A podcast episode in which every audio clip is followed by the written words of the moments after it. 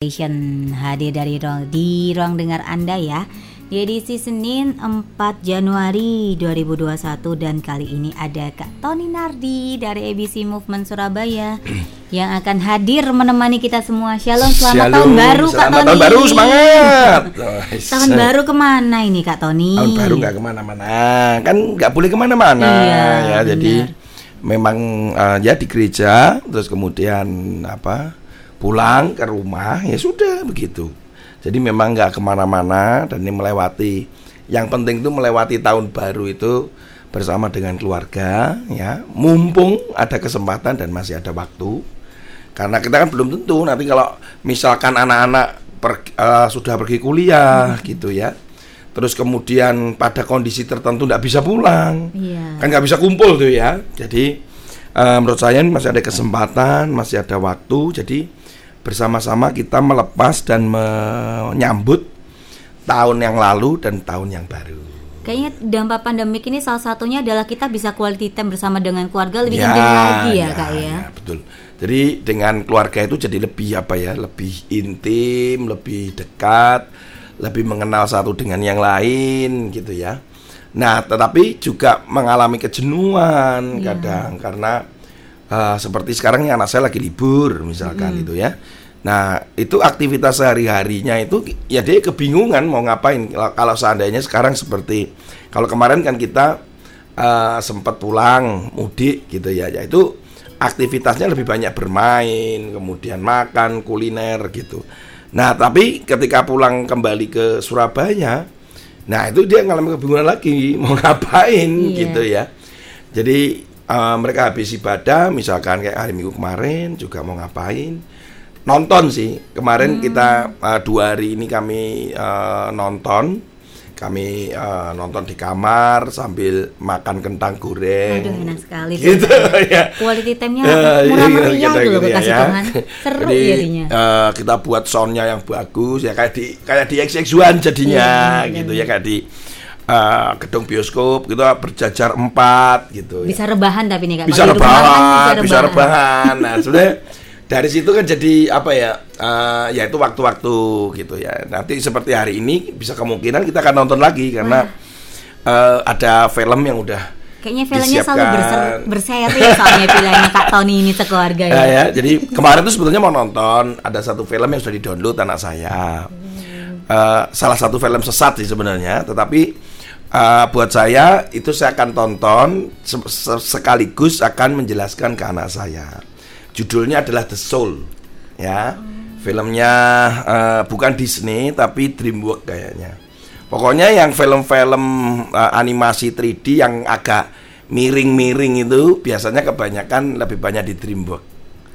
Ya, artinya anti parenting, terus kemudian lebih ke okultisme, terus kemudian lebih kepada eh, eh, apa namanya falsafah eh, atau eh, faham-faham yang keluar dari kebenaran firman, terus kekerasan itu kebanyakan di DreamWorks.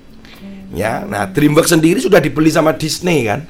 Jadi Disney itu kalau mau melencengkan sebuah kan Disney itu eh, lebih cenderung pada film-film atau kisah-kisah yang keluarga baik, dramatis, romantis, saling menolong.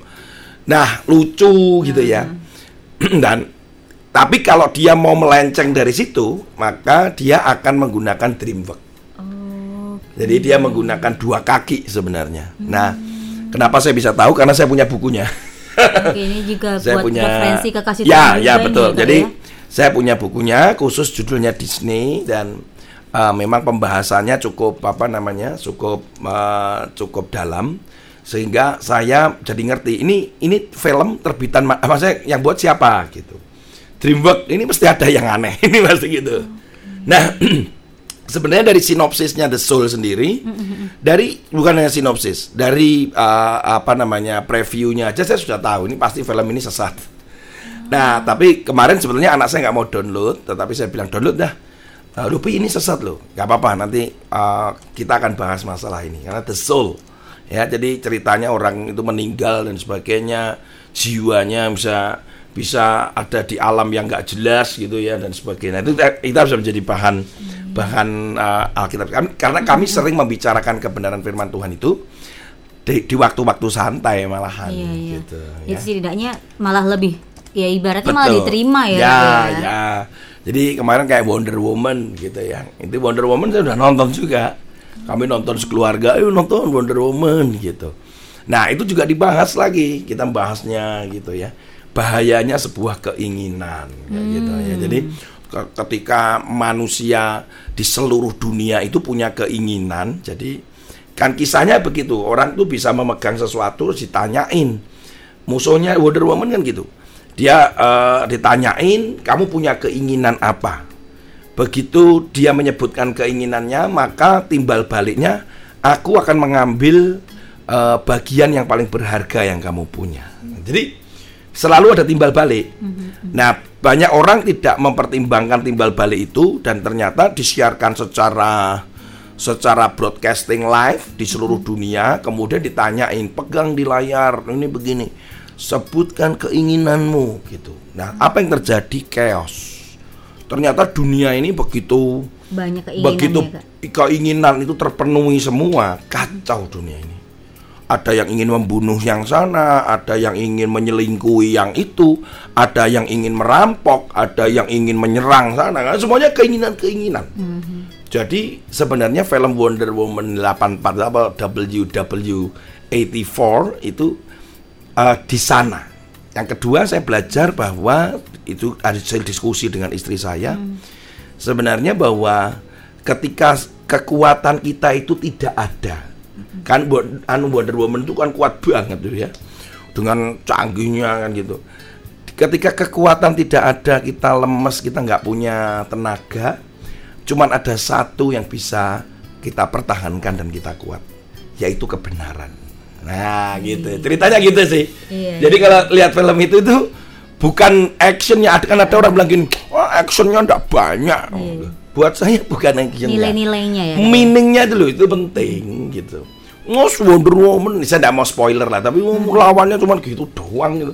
Buat saya nggak apa-apa, tapi meaningnya itu keren banget gitu ya. Hmm dan harus berkorban untuk uh, melepaskan keinginan. Nah, kaitannya dengan ah. keinginan itu. Ya. Topik kita malam ini, Ya, topik kita malam oh. ini bahwa ini berbicara tentang uh, apa namanya uh, uh, mimpi. Orang hmm. punya mimpi itu kan berbicara keinginan, toh. Nah, apalagi gitu ini ya. awal tahun biasanya mulai di list nih pengen apa, pengen nah, apa ya, Kak ya. Kita ini sebagai orang dewasa, ya jadi karena uh, ROG ini akan berbicara reaching out generation ya, berbicara tentang bagaimana kita menjangkau generasi ini. Nah, kita sedang berbicara tentang ketika generasi atau anak-anak atau remaja atau uh, anak kita, keponakan gitu ya, sepupu. Ketika dia punya mimpi, itu kan berbicara tentang sebuah keinginan ya. Mm -hmm. Mereka pasti punya mimpi. Orang dikatakan gini, kalau tadi lihat filmnya Wonder Woman kan katanya mimpi, anu keinginan itu berbahaya. Berbeda ya ada ada kemiripan lah. uh, keinginan dengan sebuah mimpi atau cita-cita itu kan bagi saya bahwa cita-cita itu ya kekasih Tuhan bahwa cita-cita kemudian uh, ke, apa masa depan itu terkait dengan sesuatu yang lebih baik. Maksudnya gitu. orang punya cita-cita, orang punya mimpi. Tapi kalau keinginan itu lebih kepada itu kalau di dalam bahasa Inggris lebih jelas ya dream terus kemudian purpose tapi yang satu ini want itu artinya segala keinginan itu itu dari katanya berbeda meaningnya juga berbeda nah kalau keinginan yang dimaksudkan want want itu adalah ini berbicara tentang memuaskan. Mm-hmm. memuaskan uh, dagingnya memuaskan egonya gitu. Nah ini yang membuat kacau.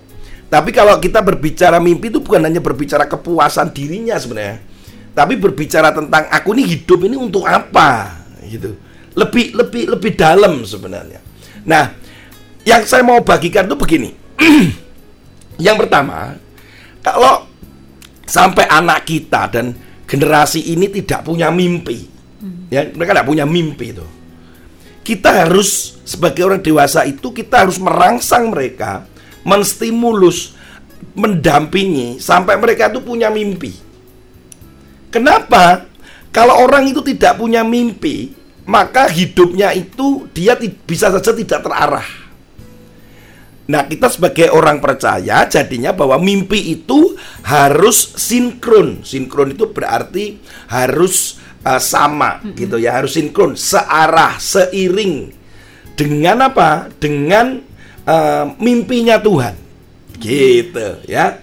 Nah, sering kali yang saya lihat ini ini masalah yang pertama ini ya, yang saya sering lihat ini uh, apa uh, Kabila yang saya lihat ada gini mimpinya anak itu adalah mimpinya orang tua jadi mendampinginya itu bukan mendampingi anak itu menemukan potensinya hmm. terus kemudian men, uh, menemukan passionnya terus kemudian anak ini akhirnya gini mama papa uh, apa bapak ibu saya punya mimpi ini gitu itu karena potensinya, karena talentanya, karena gairahnya, kerinduannya, karena pengalamannya, pengamatannya, bu itu muncul dari sana. Nah, kebanyakan ketika kita mendampingi mereka anak yang nggak punya mimpi, yang terjadi itu adalah mimpi orang tuanya itu dipaksakan kepada anak-anak kita, kepada generasi ini.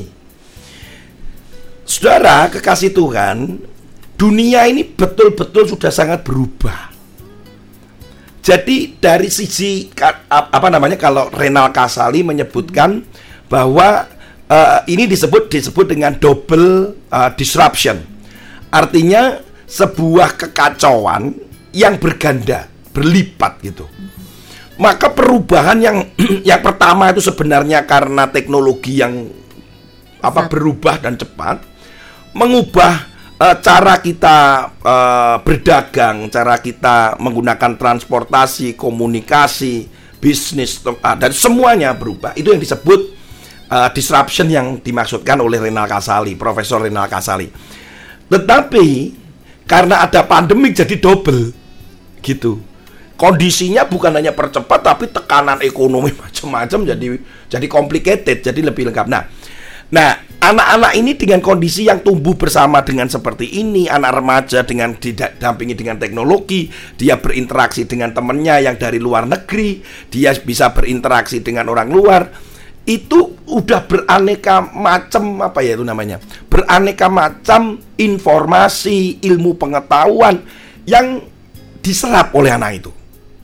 Nah, sementara kita ini jadinya apa? Jadinya kita tuh apalagi kita memaksa mereka satu contoh. Hmm. Kan pernah lihat apa namanya itu film zaman dulu kan Sidul ya. Sidul anak Betawi ya. Bagaimana ayahnya itu tidak peduli Sidul ini dia kuliah apa, sekolah apa, yang penting harus jadi insinyur. Kan makanya Sidul yang suruh ya kamu jadi insinyur, hmm. Pak Insinyur, Pak Insinyur gitu. Tetapi insinyur itu ada yang dari teknik ya, sipil, ada yang dari teknik arsitek, kan itu itu insinyur juga tetapi kan itu kan dari apa namanya uh, dari zaman dulu kan disebut insinyur kalau sekarang kan enggak ya sarjana teknik gitu aja hmm. nah tetapi buat si itu si bapaknya Sidul kan cuma ngomong tukang insinyur kan dia kan nyebutnya tukang insinyur tetapi nggak tahu bahwa Sidul ini ngambil apa hmm. gitu loh bahwa dia ngambil arsitek apakah dia ngambil sipil apakah dia mengambil mesin hmm. yang toh akhirnya juga sopir oplet gitu ya nah ini yang akhirnya tuh dipaksa buat bapaknya jadi nggak masalah. Yang penting kamu sudah jadi insinyur. Yeah. nah itu hanya contoh saja lah tapi perkembangan yang ada sekarang ini tiba-tiba misalkan ada anak yang datang pak saya mau jadi programming game gitu. Mm-hmm. wah gak bisa. Macam-macam. Masa depannya mau jadi apa mau jadi gitu apa ya. gitu. Apalagi ngomong pak saya mau jadi pendeta. Wah. Mau makan Alkitab gitu. nah, itu ini akhirnya orang tua itu enggak sementara orang tua tidak update, ya ini bahayanya gitu. Orang tua tidak update, anak ini update dengan informasi akhirnya dia kalau dia penuh dengan informasi dan wawasan, dia belum menemukan mimpinya, maka tugas kita kan mendampingi, memfasilitasi untuk dia menemukan mimpinya. Mengarahkan. Gitu mengarahkan yang sinkron dengan mimpinya Tuhan. Masalahnya adalah orang tua aja nggak update mau mengarahkan gimana. Itu yang pertama. Mm -hmm. Yang kedua, orang tua nggak deket sama Tuhan mau, mau mengarahkan uh, mimpinya Tuhan sama dengan anaknya. Ya akhirnya yang terjadi apa? Ya terpaksa. Ini masalah yang pertama. Terpaksa memaksakan apa yang menjadi mimpi orang tuanya yang belum ke, tercapai hmm. ke anaknya. Mau bikin supermarket sementara tokonya masih toko kelontong. Hmm. Ya mimpinya bapaknya kan toko supermarket, ada supermarket hmm. gitu ya. Sehingga kamu sekolahlah yang kaitannya dengan uh, perbisnisan hmm. gitu. Padahal anaknya nggak mau. Nah, tetapi akhirnya oh, yang bayari saya, yang hmm. nyekolahkan saya, kamu tuh dibantu untuk menemukan mimpi aja. Nah, bukan masalah itu, itu kan mimpi orang tua, hmm. bukan mimpi anak yang kemudian anak ini berkembang karena informasi dengan wawasan. Ya temukan dia ini mau apa gitu. Ya. Nah itu itu yang yang pertama. Yang ya. pertama ya. Yang kedua kalau seandainya anak itu apa namanya uh, apa namanya uh, uh, anak ini mm -hmm. belum belum menemukan ya belum menemukan mimpinya, mimpinya, tetapi orang tua itu mencoba memahami ya oke okay, gitu ya. Tapi orang tua nggak deket sama Tuhan Artinya apa? Bahwa ini tidak akan sinkron nanti. Itu kan mimpi yang mimpi yang sifatnya adalah uh, tanda petik maaf saya harus ngomong bahwa itu keduniawian. Berbicara tentang hanya kedagingan, kebanggaan orang tua ketika anak itu terwujud jadi dokter, jadi apa gitu duta besar lah apa gitu. Nah ini bahaya juga. Ini masalah yang kedua. Kalau anak tuh nggak punya mimpi, yang satu orang tua nggak ngerti, ya memaksakan. Yang kedua adalah orang tua tidak dekat sama Tuhan sehingga nggak terjadi sinkronisasi. Tuhan ini maunya apa sih gitu? Yang yang jelas bahwa Tuhan akan selalu mau bahwa setiap anak setiap generasi saudara dan saya itu mencapai tujuan Tuhan itu adalah saudara tetap akan memberikan dampak. Supaya kerajaan Allah itu uh, apa ada di muka bumi ini. Kan bukan berbicara masalah bukan berbicara masalah kerajaan uh, fisik, tetapi berbicara authority, hmm. berbicara sesuatu yang dikelola dan itu terjadi multiplikasi, terjadi sebuah dampak. Itu kan berbicara tentang hidup yang kita finally akan sampai ke sana. Di sini ya maksud saya. Hmm. Bahwa hidupmu ini berdampak apa enggak? Hidupmu ini memberikan pengaruh yang positif enggak buat sekitarmu? Sehingga ketika itu uh, Mark Mark Zuckerberg apa itu ya? Mark Zuckerberg Facebook gitu ya, ya, ya Facebook. Ketika dia dia uh, uh, uh, apa namanya uh, ketika dia memberikan memberikan satu speech di Harvard University yang mana dia nggak pernah lulus dari Harvard University karena dia di DO ya tetapi ketika kelulusan uh, salah satu kalau nggak salah tiga empat tahun lalu kali ya. Nah ketika itu dia diundang untuk speech sebelum speech atau dia bicara di depan para wisudawan dan para dosen atau mantan dosennya. Nah, ah, dan pada rektornya pimpinannya dia sempat ke tempat kosnya atau flatnya dia bahwa ini loh dulu tempat flat saya. Saya lihat fotonya dia kemudian dia foto di situ di tengah temaram gelap gitu. Terus dia ngomong bahwa ini loh ini, ini dulu flat saya gitu ya. Nah Uh, kemudian dia ngomong begini dalam sebuah speechnya itu mungkin bisa dicari nanti dalam bahasa Indonesia sederhananya begini kalau kamu mencapai apa itu namanya uh, mencapai prestasi di wisudamu itu hanya sampai kepada sebagai uh, insinyur itu apa uh, engineering itu uh, engineer terus kemudian kamu sebagai dokter kamu sebagai itu. Uh, itu hanya untuk dirimu. Maka hidupmu itu tidak lengkap. Sebenarnya kamu itu dia menyebutnya apa saya nggak lupa bahwa apakah kerdil atau apa pokoknya saya lupa dia menyebutkannya apa. Tetapi kamu harus memiliki sebuah sebuah tujuan atau sebuah mimpi bahwa hidupmu itu bukan untuk dirimu. Tetapi apa yang kamu capai itu itu untuk melakukan sesuatu untuk orang lain, memberikan dampak, berguna gitu. Jadi ketika saya baca speechnya itu saya bilang, wah keren ini, keren banget gitu ya. Nah, it, uh, ya dia orang Yahudi juga gitu ya. Nah, Buat saya mungkin dia mengerti tentang hal bahwa apa yang dimaksudkan oleh Allah eh, setiap kita. Nah, kalau orang tua sampai anaknya itu tidak menemukan apa namanya Mimpi. mimpinya gitu, cita-citanya. Kemudian orang tua ini juga mencoba mengarahkan that is good ya, itu bagus. Mendampingi, memfasilitasi, memberikan arahan ya, membuka wawasan, that is good. Itu bagus sekali. Nah, tetapi orang tua harus kita ini sebagai orang dewasa harus juga connect sama Tuhan. Ini maunya ke mana ini anak? Gitu. Tuhan ini maunya gimana? Nanti kan lebih spesifik Tuhan bisa arahkan dengan caranya yang ajaib yang kita nggak pernah duga. Mungkin lewat beasiswa, lewat uh, partner atau mungkin lewat macam-macam gitu loh. Kita nggak pernah tahu cara Tuhan tuh ketika kita benar-benar menyerahkan total hidup kita, Tuhan itu akan mengarahkan dengan cara yang ajaib melalui orang-orang yang dikirimkan ke kita atau orang-orang di sekitar kita, bukan karena usaha kita melulu. Gitu. Nah, itu yang hal yang hal, hal yang ketika anak itu belum menemukan. Belum menemukan nah, kita break dulu. Nanti kita bisa kalau oh anak itu sudah menemukan terus bagaimana hmm. gitu ya. Kalau tadi kan ini kan yang belum menemukan. Belum menemukan. Ya betul. Dan nanti kalau ini saya mau juga mau tanya nih Kak, idealnya ketika orang tua itu mengarahkan tuh di usia keberapa ya Kak yang memang benar-benar harus mengarahkan anaknya? Oh ya, ya ya. Nanti nanti dijawab nanti apa sekarang? Terserah nih Kak. Oh gitu. Ya, nggak apa-apa sih Kak. Sebenarnya gini, ke ketika ketika kita mau mengarahkan itu sejak kecil nggak apa-apa. Yang penting anak itu punya keberanian untuk bermimpi.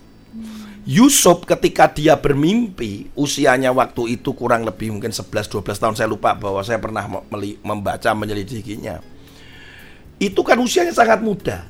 Dan ketika dia e, mendapatkan mimpi itu kemudian dia menceritakan mimpi itu itu kan diketawain kemudian dia dibully. Bahkan sama ayahnya sendiri ini sob sob kamu ini kayak apa aja mimpa mimpi gitu kamu tuh ya, di, diolok gitu. Nah saya saya membayangkan bahwa ketika anak itu seandainya dia itu punya mimpi, hmm.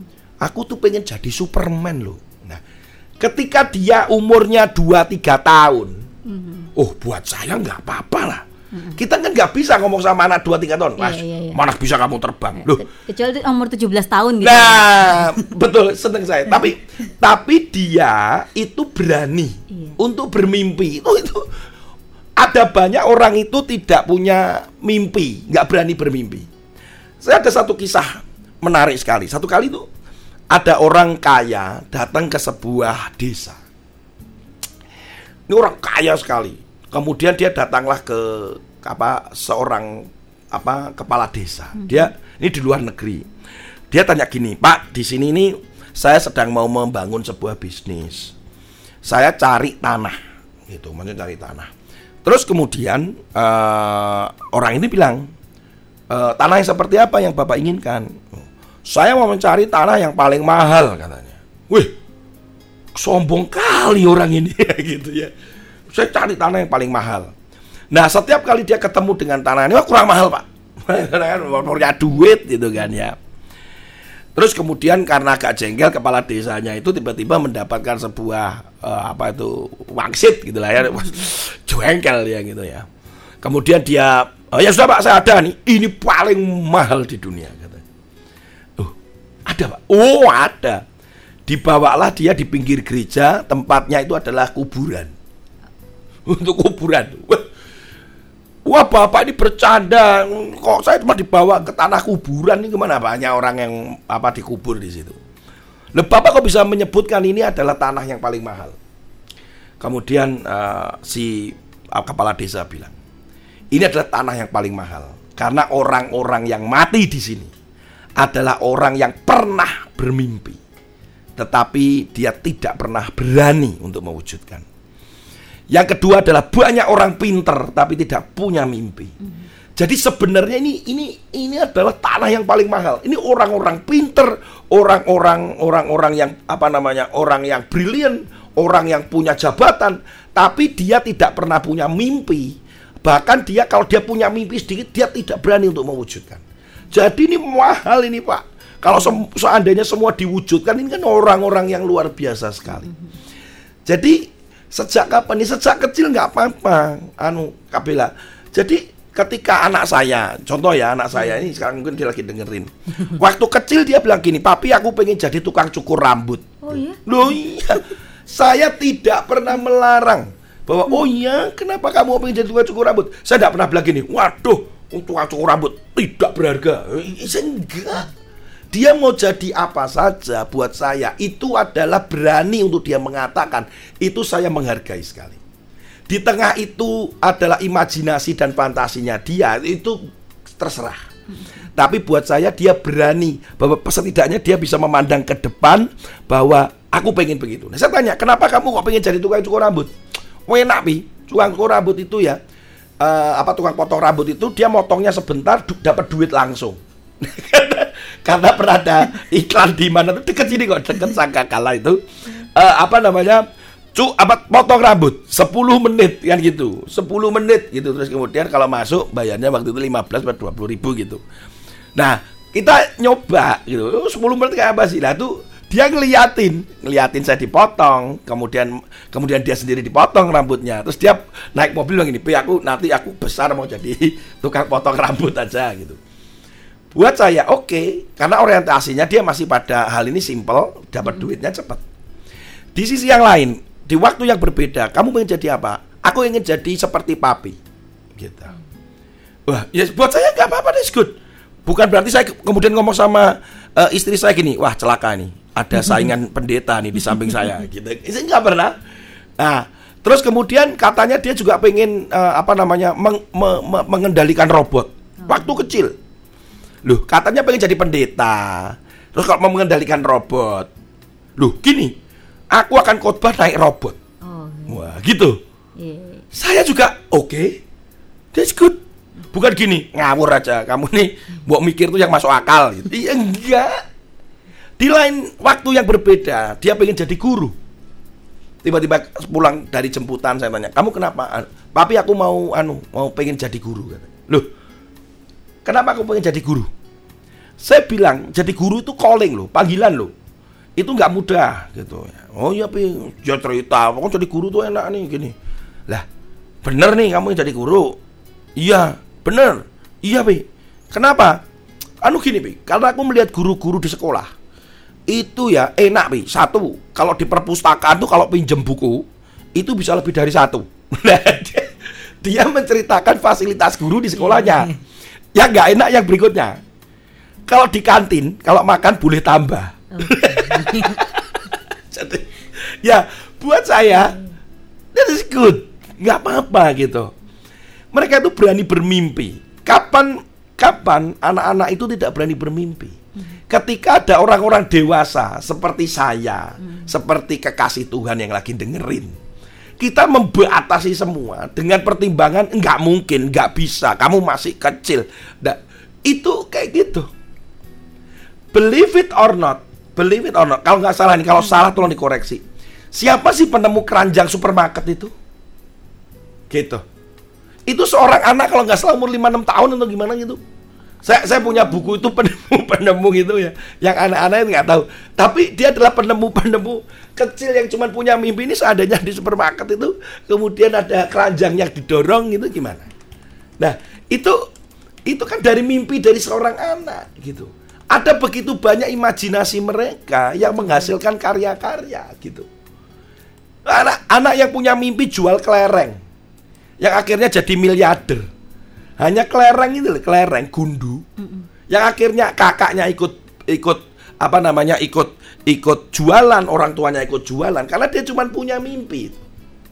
Nah buat saya begini kita sebagai orang tua sejak kapan anak itu boleh boleh bermimpi ya sejak kecil dia mau gini aku nanti mau jadi Spiderman aja bisa nempel di tembok lu ngapain bisa nangkepin cecak di kamarku ya nggak apa-apa jangan gini mana ada itu cuma di film lebih baik anak itu punya mimpi begitu dengan fantasinya daripada kita yang sudah gede nggak nggak pernah berani bermimpi. Hmm. Ketika ditanyai resolusi 2021 apa mimpimu? Ah, gak mimpi. Wong duit aja nggak ono mimpi. Nah, ngerti nggak? Tetapi anak ketika dia nggak lihat itu semua, dia cuma melihat sesuatu yang impossible itu menjadi possible. Bukankah itu yang Tuhan sedang kerjakan bagi setiap kita dengan berjalan work by faith. Kan begitu. Bagaimana sesuatu yang impossible itu jadi possible bersama dengan Tuhan. Anak itu kan sebetulnya dari kecil kan dia melihat sesuatu yang impossible jadi possible. Mau terbang jadi Spiderman, jadi Huluk, mau kemudian jadi presiden tanya aja pengen jadi presiden nah, jadi presiden apa Wong Indonesia presidennya cuma satu masa rebutan sama satu presiden gitu kan Nah, kecuali sama yang lain gitu kan. Nah, tapi ada yang saya sedang menemukan ada seorang anak kecil di uh, Jakarta sempat saya melayani sejak ada sekolah doa pertama kali angkatan pertama di sebuah gereja Abalov di di di Jakarta. Mm -hmm. uh, anak ini dia punya mimpi apa? Menjadi menteri pendidikan. Saya ingin jadi menteri pendidikan Indonesia. saya dalam hati gini, wah gila betulnya anak ini. Seorang anak perempuan dan itu bisa konsisten sampai hari ini dia sudah lulus dari universitas dari Australia, saya lupa dari mana. Dia kembali ke Indonesia, dia mau melanjutkan S2 lagi, masih tetap dia bilang, "Aku ingin jadi menteri pendidikan Indonesia." Loh, saya kira gini, gila nih orang. Dia dia melihat sesuatu, jangan berkata gini, "Oh, Pak, nanti kita akan mem memupuskan harapannya." Loh, lebih baik dia belajar di situ berat. Saya lebihnya gini loh, lebih uh, lebih baik berani punya mimpi dan kemudian dia sempat dia pupus harapan tapi dia masih didampingi untuk berani bermimpi lagi daripada belas nggak berani bermimpi. Gitu aja. Sampai hari ini dia masih konsisten ingin menjadi menteri pendidikan Indonesia. Seorang perempuan saya masih kontak dengan pembinanya, mentornya sampai hari ini baru beberapa uh, mungkin satu dua bulan yang lalu masih kontak masih loh Kak Tony, dia masih konsisten ingin menjadi Menteri Pendidikan Republik Indonesia. Wah, luar biasa. Sementara sementara banyak orang ganti-ganti mimpi ya. Mimpi itu yang dikatakan sebuah mimpi itu ke depan itu bukan bunga tidur, tetapi hmm. adalah sesuatu yang dia pikirkan untuk masa depan. Ya ingin dicapai. Iya, gitu. sejak kecil dong. Mau mau satu dua dua tahun tiga tahun kelas berapa? Biarkan dia punya mimpi. Aku nanti kalau anak saya gini, aku nanti kalau sudah sempat anak saya sempat pengen jadi pilot. Ya. Ah Sempat, aku punya pesawat nanti ya. Papi sama mami tak taruh di belakang mau ke mana ikut. Saya juga bilang gini, oke. Okay. Bukan gini, alah kamu gitu ya, enggak gitu loh. Ya, eh, apa namanya? Itu sebuah mimpi. Beda dengan ketika dia bilang papi, aku akan ingat sama mami papi walaupun nanti aku sudah berkeluarga, hmm. punya istri dan aku mungkin sudah nggak di sini karena di luar aku akan ingat sama mami papi. Nah, itu bukan mimpi, itu kan janji. Iya. Ya, ya saya gini ya nanti kalau kamu gak dimarahi istrimu. Jangan-jangan kamu dimarahi istrimu. Kau usah ke papimu, ngapain ke papimu? Wes tuwek, ompong. gitu kali ya. Mungkin gitu. Sehingga saya kadang ngomong ini. Jadi saya ngomong bahwa uh, bermimpilah gitu. Nah, yang belum punya mimpi, ayo dampingi mereka untuk memiliki mimpi itu. Ini belum yang kedua loh, sudah. Belum yang kedua ini kak ya. Iya, wah, Oke. dengan semangat Tuhan, sekali ya. Pokoknya nanti akan menjadi lebih seru lagi. Anda bisa bertanya, Anda bisa bergabung di lima yes. ribu atau bisa juga di 0813 mm-hmm. ribu untuk jalur SMS maupun WhatsApp dan kami hadirkan dulu informasi dan pujian di ruang dengar Anda. Yes. Radio Sangkakala Firman Tuhan adalah dasar kehidupan yang harus kita perhatikan. Dengarkan, renungkan, dan terapkan dalam hidup. Sangat penting bagi kita untuk terus membekali jiwa kita dengan firman Tuhan. Tidak hanya tubuh, tapi kondisi rohani, roh, dan jiwa kita pun membutuhkan penyegaran. Word of God hadir setiap hari pukul 5 pagi dan 9 malam. Jadikan firman Tuhan sebagai standar hidup dan kompas yang memberikan petunjuk arah hidup kita ke jalan yang benar. Tuhan Yesus memberkati.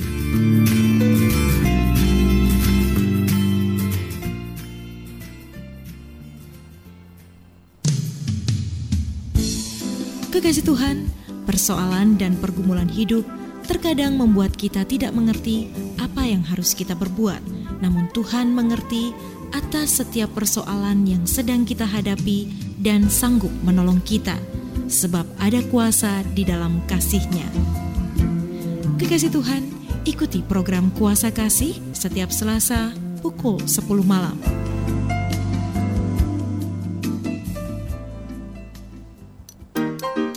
Baik, sekarang saatnya saya akan memberitahu cara memilih besi yang berkualitas tinggi.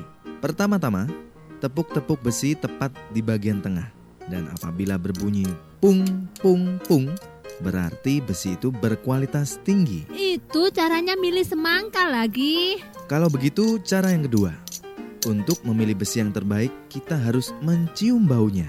Kalau baunya harum, berarti sudah matang. Itu cara milih durian. Gimana sih? Terus gimana dong caranya dapat besi yang berkualitas tinggi? Ya ke CV Sentral Besi Pratama dong, ahlinya besi. Anda membutuhkan beraneka ragam besi yang berkualitas tinggi dengan harga terjangkau dan bersaing? CV Sentral Besi Pratama menyediakan beraneka ragam besi, mulai dari besi beton polos dan ulir, besi as, kanal CNP, INP, UNP, WF, HBIM, pipa air, pipa gas, pipa kotak, pipa korek, plat bordes, plat eser, plat kapal, siku, strip, firkan ulir, firkan polos, firkan embos, kawat loket, kawat las, belt mesh, atap galvalum, aksesoris pagar, dan gerinda. Semuanya bisa Anda dapatkan di CV Sentral Besi Pratama. Dan pasti Anda mendapatkan beraneka ragam besi terbaik dengan kualitas terjamin. CV Sentral Besi Pratama beralamat di Jalan Raya Taman Nomor 8 sepanjang Surabaya. Telepon 031 788 6893 dan 788 6894. Hunting fax 7886892, email sales dan website kami di www.centralbesi.com. CV Sentral Besi Pratama, harga bersaing, kualitas terjamin.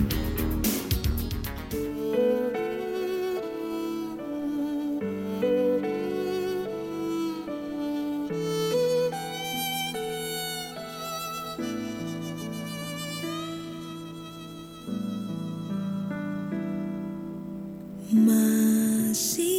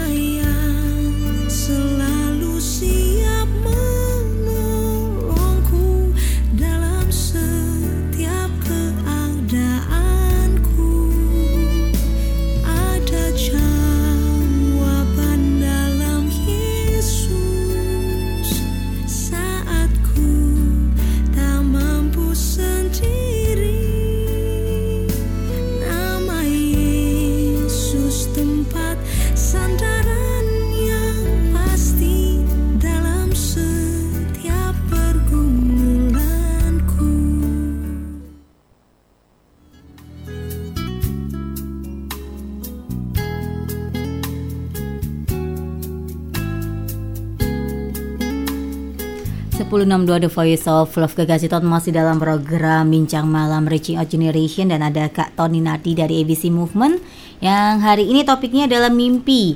Tadi di awal Kak Toni sudah share bagaimana kita membangkitkan mimpi kalau anak-anak kita tidak memiliki mimpi. Kali ini kalau sudah punya mimpi itu apa yang harus kita lakukan, nah, Kak? Kalau sudah punya mimpi, yang pertama kita harus menghargai mimpi anak-anak kita. Karena uh, bahwa karena mereka berani bermimpi, ya berarti kita harus menghargai bahwa mereka eh, punya mimpi. Karena seiring dengan waktu, perlu kekasih Tuhan juga pahami juga eh, rekan-rekan follower di Instagram bahwa seiring dengan waktu bertambahnya usia dan perkembangan secara psikologis memang akhirnya manusia itu akhirnya bertumbuh kan secara kognitifnya ya akhirnya eh, lebih realistis ya tetapi saat itu sebenarnya otak kirinya yang sedang berjalan Tetapi otak kanannya yang penuh dengan kreativitas, dengan mimpi, dengan ide biasanya lebih cenderung kurang dimaksimalkan. Sehingga tidak berani lagi kalau mereka punya mimpi misalkan gini, saya ingin punya mimpi eh, terbang apa gitu misalkan gitu. Terus kemudian gini, terus dia mulai mikir, enggak mungkin ya, ya papa saya juga pernah ngomong gitu. Saya juga ngelihat kondisi juga enggak mungkin. Sekarang banyak hal yang tidak mungkin. Nah sehingga eh, akhirnya dia membatasi. Ya udah kalau aku tuh kalau gitu aku jadi ini aja, aku jadi itu aja. Eh, eh, percaya atau tidak bahwa orang tua itu akan sedikit banyak mempengaruhi mereka mimpi mereka. Nah, sehingga kita juga harus mengarahkan jangan jangan sampai anak itu. Jadi yang satu yang pertama itu harus menghargai mimpi mereka. Yang kedua, arahkan mereka bahwa mereka itu eh, mimpinya harus sinkron dengan Tuhan, bukan sinkron dengan orang tuanya, ya. Ini penting loh, ini kekasih Tuhan ini ini penting sekali. Karena jelas prinsip firman Tuhan jelas, anak kita ini bukan milik kita. Itu itu sudah jelas. Itu milik Allah, itu milik pusakanya Tuhan. Jadi kalau dari prinsip awal dan dasar ini aja sudah nggak nggak setuju atau nggak dipahami, maka eh, kita akan tetap terus akan diada, me- mendampingi anak ini akan akan kurang pas terus gitu. Saya nggak ngomong salah ya, kurang pas terus nanti. Nah, eh, sehingga yang anak ini yang kedua adalah diperlukan bahwa anak ini dibimbing untuk mimpinya itu harus sinkron dengan mimpinya Tuhan. Ya tentunya dengan doa, dengan pendampingan, dengan firman Tuhan, diskusi gitu ya. Nah, percaya atau tidak, kadang anak itu menemukan mimpi itu karena bapaknya. Kayak anak saya yang paling kecil sekarang, dia masih masih punya prinsip bahwa aku pengen jadi seperti papi, aku akan gantikan papi gitu. Buat saya oke, saya menghargai itu. Tapi apakah benar itu Tuhan juga sinkron dengan maunya Tuhan? Gitu aja. Kalau itu memang maunya Tuhan ya silakan, saya malah seneng aja gitu. Tapi di sisi lain ketika dia lihat detektif-detektif, aku tuh seneng loh, neliti-neliti gitu, ngotak-ngatik loh. Nah, mungkin pendeta yang suka ngotak-ngatik gitu ya, ya, ya, saya tidak tahu. Pokoknya jangan ngotak-ngatik masalah. Nah, ini teman saya punya punya punya punya pengalaman itu ini anak-anak di anak jalanan ya dibawalah ke salah satu tempat eh, eh, hiburan anak lah ya Eh, saya nggak nggak mau sebut nanti saya promo tapi sekarang lagi lagi in ada di Surabaya. Oh, yang baru baru ya, buka ya baru buka di daerah Surabaya Barat. Nah eh, anak-anak ini dibawalah ke sana. Cukup mengejutkan anak-anak itu terpelongo ya terpelongo itu terperangah. Waduh ini kok begini kok begitu? Wah, bagus. Nah kemudian mereka itu disuruh untuk ya sudah kamu kerja gitu. Kerja itu artinya kan di situ kan ada tempat-tempat kerja. Kalau nggak salah ada 130 eh, apa namanya pekerjaan yang mereka bisa belajar. Ada ada penyiar radio ada pengameramen TV ada sulap ada Koi. macam-macam. Wah ada dari polisi gitu ya macam-macam. Penjaga toko dan sebagainya. Believe it or not percaya atau enggak bahwa sebagian besar anak-anak eh, anak-anak laki-lakinya yang rata-rata kelas 4 5 6 itu langsung semuanya pergi ke eh, tukang batu semua hampir semua. Dia pengen jadi tukang batu. Duh, teman saya kaget. Loh kok pengen jadi tukang batu? Gimana sih? Karena orang tuanya tukang batu. Jadi sinkro itu sinkronnya dengan orang tuanya. Eh orang tuanya ya nggak apa-apa nak. Kamu nanti kalau bapak jadi tukang batu kamu jadi tukang batu nggak apa-apa. Memang kita adalah tukang batu seumur hidup. Jadi kan dari keturunan gitu ya. Pendeta ya keturunan, kayak gitu apa gitu. Dokter keturunan, terus prajurit TNI keturunan, semua keturunan. Nah itu nggak bisa gitu. Kita harus mengarahkan anak itu sinkronisasinya dengan Tuhan. Jadi yang pertama kalau anak itu sudah punya mimpi, yang pertama itu harus anak ini harus dihargai, berani bermimpi. Yang kedua, harus disinkronkan dengan mimpinya Tuhan. Yang ketiga, didoakan. Karena ini adalah kekuatan spiritual yang tidak kelihatan tapi besar kuasanya ini. Harus didoakan supaya dalam perjalanan hidupnya ketika dia sekolah, ketika dia berinteraksi, ketemu dengan orang, punya pengalaman dan ketika dia nanti berkeluarga, melanjutkan studi lagi, semuanya itu tetap dalam rancangan Tuhan untuk dia tetap sinkron bahwa apa yang diinginkan Tuhan untuk masa depannya dia. Kita mungkin sudah nggak bisa lagi ketika dia sekolah karena berinteraksi dengan orang lain, sudah dapat ilmu pengetahuan. Nah kita kan dari jarak jauh, mungkin ilmu saja sudah berbeda. Mungkin dia sana lebih pintar, lebih wawasan terbuka daripada orang tuanya. Kekuatannya adalah doa. Supaya dia sinkron karena ini secara spiritual gitu. Nah, itu itu yang buat saya tiga hal ini yang sangat penting sekali ketika anak itu memang dia sudah punya mimpi. Bahwa yang pertama hargai, yang kedua itu adalah sinkronkan dengan apa yang Tuhan mau. Yang ketiga adalah tetap doa karena kuasa doa itu yang benar-benar me- menguatkan ya, mengarahkan dengan secara spiritual dengan kekuatan yang supranatural gitu. Jadi ayo kita ini uh, sebagai pemimpin gereja, uh, sebagai guru, uh, pemerhati anak, uh, pendidik, orang tua, siapa pun kita yang dewasa, ayo rangsang anak-anak itu untuk mempunyai mimpi. Dan berani bermimpi. Daripada kita ini yang sudah kadang sudah nggak berani lagi bermimpi. Dan rohani lagi alasan kita. Mengalir saja pak. Gitu. Kita harus berani bermimpi. Ayo kita mau lakukan apa? Kita ngapain? Harus berani gitu ini akan jadi seperti apa? Ya saya nggak mau cerita kesaksiannya panjang banget. Saya juga punya mimpi. Yang sekarang juga sudah oh ya sudah ada nih Tuhan wujudin. Anak saya juga begitu. Ketika saya tanya kamu mau ngambil jurusan apa? Dulu bilang film film film. Sampai sekarang pun dia sebenarnya pengen film. Tetapi dalam perenungan-perenungan dia bilang gini, "Pi aku begini begini diskusi begitu. Ya udahlah aku tak ngambil beasiswa yang ini ya, Pi."